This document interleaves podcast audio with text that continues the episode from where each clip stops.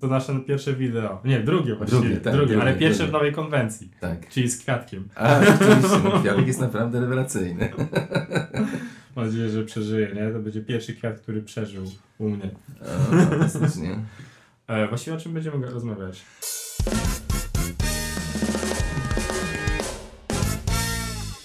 No dzisiaj, dzisiaj możemy porozmawiać e, o młodych ludziach, o tym, Mhm. jak e, fantastycznie oni są przygotowani do e, wejścia w to nowe życie zawodowe, osobiste, powiedzmy rodzinne nawet. Mhm. Tak, jak bardzo oni są do tego przygotowani. Powiem Ci, że lubię, lubię to określenie mło- młodzi ludzie. w kontekście z tego, że mam le- ledwo ponad 30, nie? No ty jesteś stosunkowo Jeszcze- młody. Jeszcze jestem młody gnój, nie? Wiesz, no kiedyś dyrektor teatru e, Hanuszkiewicz Mhm. e, przyszedł, został zaproszony na jakieś spotkanie, na, do jakiegoś programu w, w dwójce. Mhm. No i przyszedł, a on miał chyba już wtedy ponad 80 lat, przyszedł w takich obcisłych skórzanych spodniach, Mhm. przyszedł w takiej koszuli z takim halsztrukiem, z takimi e, dużymi mankietami e, i z laseczką ze, ze, ze srebrną taką gałką. No i jacyś młodzi ludzie tam e, siedzieli. No i jeden z tych młodych ludzi mówi, no panie dyrektorze, ale w pańskim wieku to już chyba nie wypada tak się ubierać. A Hanuszkiewicz się nachyli i mówi, wiek to kwestia wyboru, młody człowieku. Także tego się trzymajmy, Okej, tak? dobra. Ja też już mam, mam swoje lata, niemniej jednak czuję się cały czas młodo. I nie wiem, czy to dobrze, czy to źle, cholera. Zależy co robisz. Ale wiesz, Ale- no, jak mam spotkania ze studentami, to jakoś łatwo mi jest z nimi nawiązać kontakt, bo ja naprawdę w duszy jestem bardzo młodym człowiekiem. Coś mi się wydaje, że właśnie chyba o to chodzi, tak? Żeby nie stetryczeć i żeby cały czas mieć duszę takiego młodego człowieka. A, a, a, a to chyba idzie z serca. No jak ja z kolei spotykam się ze studentami, to zacząłem sobie robić, um, nie chcę powiedzieć jaja, bo, bo, bo, bo to co robię jest bardzo poważne, ale w pewnym, sobie, w pewnym sensie sobie robię jaja, bo zapraszałem je, żeby mówić o biznesie, nie? Aha. E, Wiesz, żeby zachęcić ich do biznesu, powiedzieć jak to jest w biznesie. A ja, że tak powiem, zmęczony takimi opowieściami, kiedy studenci, wiesz jak studenci czasami, jak studi- ja mówię, że student na studiach zupełnie się inaczej zachowuje, znaczy w uczelni, niż student poza uczelnią, nie? Mhm. Um, jakoś nigdy nie było reakcji takich odpowiednich, jakie bym chciał i pytań, więc zacząłem się bawić i zacząłem przychodzić i jak zapraszałem mnie na, szkole, na wykłady o biznesie, to zniechęcam do biznesu. To dobre. A jak to robisz? Co im mówisz, żeby ich zniechęcić? Tak, zaczynam od pytania, e, na które nigdy jeszcze nie, odpowiadałem, nie dostałem szybko odpowiedzi. Wow, Po co, po co przyszliście na spotkanie e, jakby na temat e, biznesu? I oni nie wiedzą. Nie, i zwykle, jakby, no szkoda, że tego nie nagrywam, ale zwykle jest tak z, z minuta do dwóch, do trzech ciszy. Wow, to ciekawe. Czasami, pow, yy, czasami powtórzę to pytanie i w końcu zawsze, znaczy zawsze prawie jest ta, ta sama odpowiedź, nie? W końcu ktoś krzyknie dla kasy. Znaczy, chcemy chcecie się nauczyć o biznesie, nie? Dla kasy, nie? Ja mówię, o, dla kasy. Jak dla kasy, to ja mówię, polecam pójść na, do pracy. Do urzędu. Nie, no do korpo, nie? Aha. Jest szybciej, dużo szybciej, bo właściwie dostajesz od pierwszego miesiąca pracy, dostajesz pieniądze, a ewentualnie powiedzmy, że masz jakieś tam praktyki, no to to Aha. trzy miesiące, no to w biznesie czasami ciężko jest, znaczy to jest zwykle ciężko yy, No, od w trzy zera, nie? miesiące właśnie zrobić kasę. Ma, masz regularne wypłaty. Może nie powiem, że masz bezpieczeństwo goniarz, ale masz regularne wypłaty. Właściwie nie musisz się ten, y, nie musisz się zażynać y, przez pierwsze miesiące, nie musisz pracować 16 godzin. Mhm. Oczywiście nie możesz sobie też pracować przez 3 godziny czasami, albo w Mhm. ogóle nie pracować. No ale powiedzmy, że średnio masz nawet. Myślę, że początkujący przedsiębiorca średnio pracuje więcej niż etatowiec. Mhm. Też mi się tak Ja, wydaje. by, ja bym myślę, że nawet ze dwa Zwłaszcza- razy. No tak, zwłaszcza jeżeli to go wciągnie i No. jest to pasja No właśnie, dla nie? niego. No tak, ale tego nie, tego nie sprzedasz studentom, bo oni tego nie, czasami, Mhm. ludzie, którzy nie pracowali jeszcze nie czują, że można pracować dla pasji, nie? Tak Mhm. wiesz, że to, że to nie, nie traktujesz tego jako praca, nie? Mhm. To jest ciekawe, e, bo może jest to wdrukowane już e, w, ten, w to nasze młode społeczeństwo, no bo skądś te nawyki, skądś te informacje oni muszą czerpać. I Mhm. coś mi się wydaje, że oni czerpią to, nie wiem, wysysają z, z, z, z mlekiem matki, z krwią ojca, że no, praca to jest ciężka udręka, że to Mhm. no, nie przynosi żadnej radości. A to tak naprawdę to, to tak wcale nie musi być. A myśmy mi dobry kolega e, Dariusz podesłał kiedyś e, cytat, nie wiem skąd to jest, może ktoś podeśle nam e, źródło, że przedsiębiorca to jest osoba, która przez, e, nie wiem, to było 5 lat chyba, Aha. robi to, czego nikt inny nie chciałby robić, Po to, żeby robić... Przez resztę życia robić to, co, na co wszyscy mają ochotę. Jest, dokładnie. Dobry, dobry cytat. Ale wiesz co, e, tak jak e, ty mówiłeś kiedyś, że bogactwo to stan umysłu, e, no to może od tego w ogóle trzeba zacząć. Czyli trzeba im dać jakieś narzędzia do tego, żeby oni tylko że też nie da rady tego wprowadzić szybko. To jest proces, czyli może warto dawać im jakieś narzędzia, dzięki którym oni metodą małych kroków mogą nabyć pewnych dobrych nawyków, Właśnie, nauczyć się metoda czegoś. małych kroków. To jest w ogóle ciekawa, ciekawa rzecz, dlatego że jakoś jest tak, że większość ludzi, którzy nie prowadzi biznesu, jest uwarunkowana na te szybkie sukcesy, Mhm. nie? No to ja zaczynam, mówię, zaczyna mi zachęcać do pracy na etacie i wtedy y, w końcu ktoś, y, że tak powiem, pomyśli, wysili swoje Mhm. szare komórki. Ja nie wiem, właśnie studentom to przychodzi z trudem na uczelni. Mhm. Spotykam czasami studentów poza uczelnią i oni po prostu są tak, tak, tak, wiesz, pomysłami rzucają. A wchodzą na uczelnię i jakby im Mhm. się wyłącza myślenie. Wchodzą w tryb słuchania, nie? Tak. Może gdyby nazwać to nie spotkanie, tylko na przykład ćwiczenia z, z. Piotrem Majewskim, to może wtedy by wiesz, bo oni mają i wykłady, i ćwiczenia. Na ćwiczeniach Aha. muszą myśleć, na wykładach nie. No Może o to chodzi, nie? program sobie od razu odpalają No, odpowiedni myślę, że to- i, i jadą w tym No programie. No i Aha. w końcu ktoś pomyśli i powie, no tak, ale w biznesie można zrobić biznes, można zrobić strzał i zarobić majątek. Przysięgam, Naprawdę, że zawsze tak, ktoś tak? w końcu na to wpadnie, nie? Mówię, naprawdę? Na przykład kto? Dokładnie. Mówię, no to wskażcie mi chociaż jeden przykład, ale chociaż jeden przykład Aha. osoby, która osiągnęła na spektakularny sukces po prostu strzałem tak zwanym, nie? Aha. No i A co to, mówię? to się roz, rozkręcają, bo oni wiesz, znają, czytają te wszystkie gazety, czytają wszystkie blogi, mówią i leci. Facebook. Hmm, Facebook powiadasz, uwielbiam ten kawałek, nie? Mm, a wiesz, że Zuckerberg zanim y, trafił y, na Stanford, tak? Harvard? Aha, Stanford, aha, tak? aha. E, czy Harvard? Wiesz co? Harvard chyba. Stanford to był. Google, nie? E, Zanim trafił na Harvard, to programował już chyba przez 6 albo któregoś tam roku życia programował. Miał już taką listę osiągnięć tym temacie programowania, że na zgłoszeniu do, na uczelnię, żeby to już, powie, już nie wiem która, oni wiesz, oni mają takie zgłoszenie i tam, Aha. wiesz, tam nie wystarczy zapłacić, tam trzeba mieć jeszcze być kimś, nie? Aha. No i teraz sobie wyobraź, że na Harvard to pewnie to zgłoszenie, gdzie musisz wypisać swoje osiągnięcia, pewnie Aha. trochę Swój więcej dali, nie? No tak, tak. No nie, jego nie. się nie zmieściło. Dobre. Zanim Aha. stworzył Facebooka, stworzył trzy y, projekty, które osiągnęły już sukces, Mhm. były popularne, a dopiero później stworzył Facebooka, którego też przez wiele lat rozwijał. No, ale Nie? wiesz, może on zarabiał na tym, tworząc te portale, te, te, te No nie projekty. zarabiał akurat. On już zarabiał i to już był ten strzał taki, wiesz, finansowy. Nie, właśnie nie zarabiał. I to jest piękne właśnie. No. Najpierw cholera trzeba zrobić coś dla, za darmo, tak? No. Dla innych. No dobra, To jest nie do zrozumienia. No i wtedy, co? wtedy pada, ktoś, ktoś zawsze e, rzuci Angry Birds. Aha. No Angry Birds to jest, to jest biznes. Zrobili jedną grę, ale jaką prostą, nie? Tak. I Jedną prostą grę i po prostu zarobili miliony, zrobili cały biznes. Aha. Naprawdę?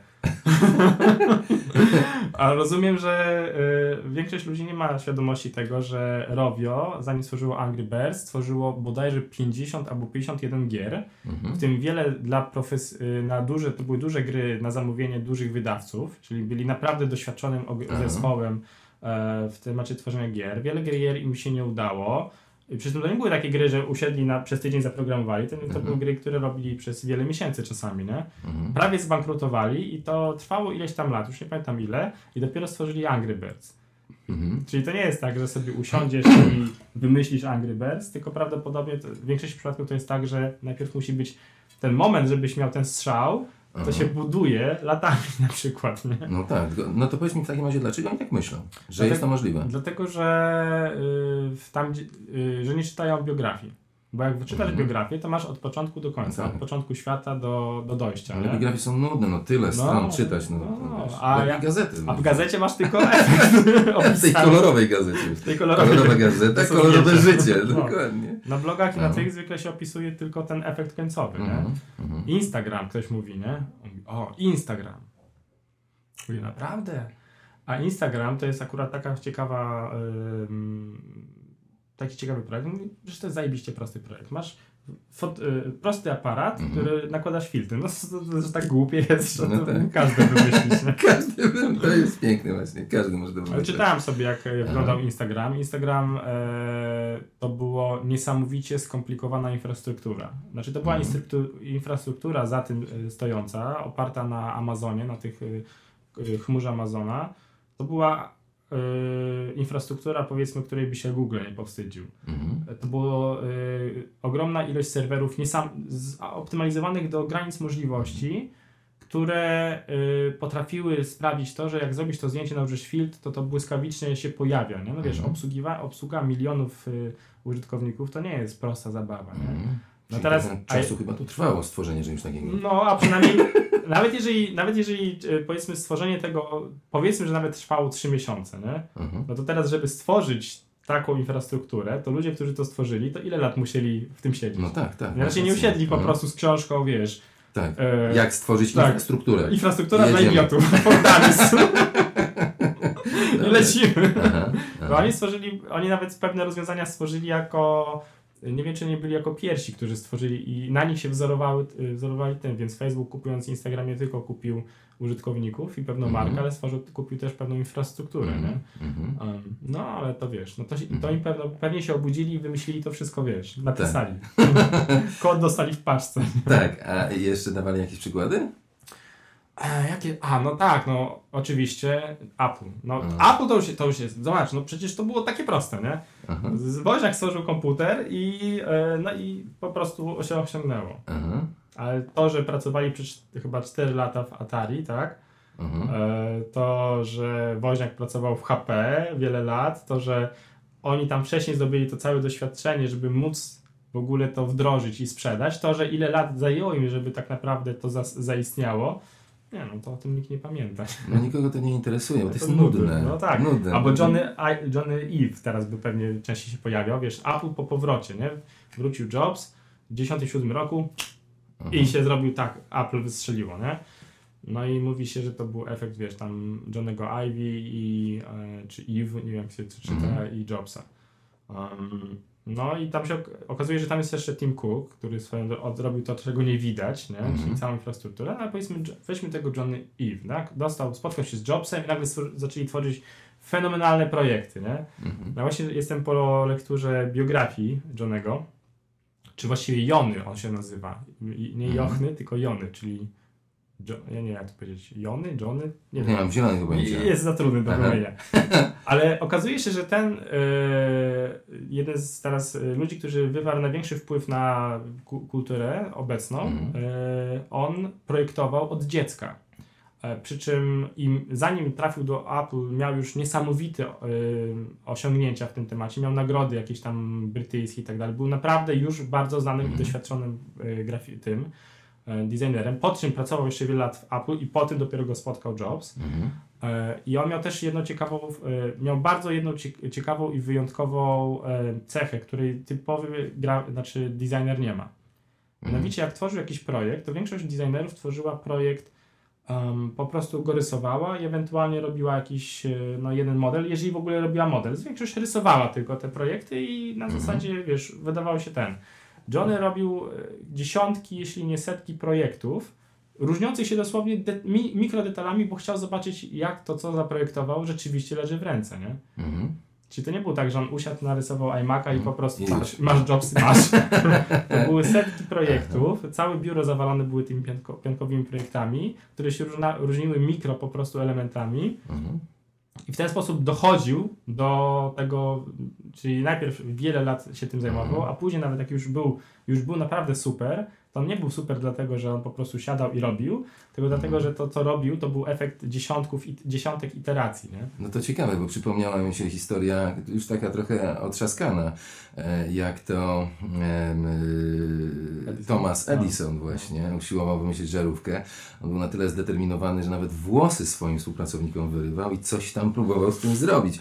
I miał, jak odwiedził go pewien e, młody dziennikarz, miał 5 tysięcy nieudanych prób. 5 tysięcy nieudanych prób.